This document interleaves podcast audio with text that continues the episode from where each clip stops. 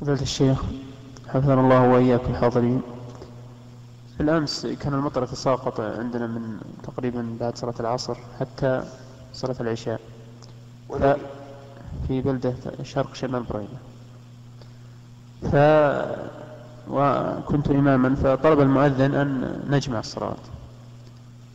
فاحترنا في ذلك ولكن كان بإلحاح المؤذن أن نجمع فجمعنا الصلاة.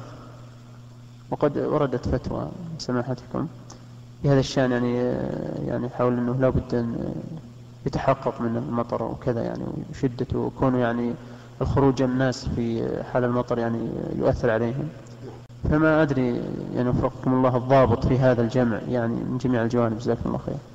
هو بارك الله فيك أن تعلم أن الأصل وجوب إيقاع الصلاة في وقتها. هذا الأصل. إن الصلاة كانت على المؤمنين كتابا موقوتا. وقد أجمع العلماء على أن تقديم الصلاة قبل وقتها بدون عذر شرعي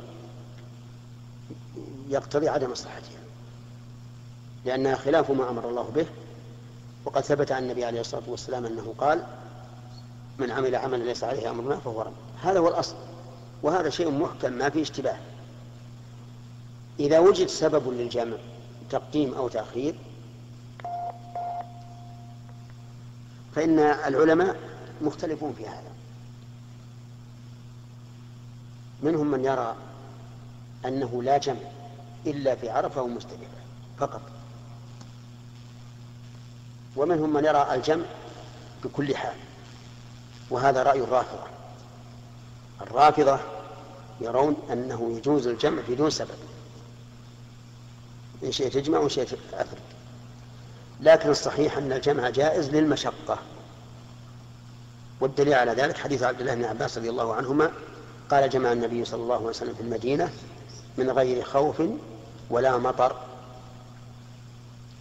قالوا ما أراد إلى ذلك؟ يعني ليش الجمع قال أراد ألا يحرج أمته. ومعنى يحرج يعني يلحقها الحرج لأن الحرج منفي شرعا. فإذا كان في ترك الجمع مشقة وحرج على الناس إما لكون الأسواق وحلا أو لكون المطر ينزل يبلل الثياب ويؤذي الماشين. فهذا عذر أما إذا كان حبات يسيرة والجو دافئ والأسواق ليس فيها وحل فلا تطع حتى لو أصل المؤذن. ثم إذا أصر خوفه بالله. يا أخي كيف نتقدم؟ أرأيت لو صمت رمضان في شعبان هل يجوز؟ فكذلك إذا قدمت العشاء مع المغرب بدون عذر شرعي متحقق فإنه لا يجوز. والعجيب العجيب الآن أني أنا أذكر الناس كانوا في الأول ليس فيه ليس فيه آه، كهرباء والأسواق مظلمة ووحل طين ما في سفلت لكن ما يجمعون إلا بمشقة شديدة. بمشقة بحيث أن الإنسان ما يأتي للمسجد إلا معه العصا يتأكد عليه. أو مطر وابل صيب. وهم أشد مشقة من الآن بكثير. الآن والله الحمد لله غالب الأسواق مزفلتة ومضاءة ولا في مشقة ولا حرج. فالتهاون في هذا غلط غلط عظيم. فأنت عندك عندك نص محكم وهو وجوب الصلاة في في وقتها. وعندك سبب مبيح للجمع. إذا ما ما دمت لم تتيقن أن السبب صحيح شرعي فلا تجمع.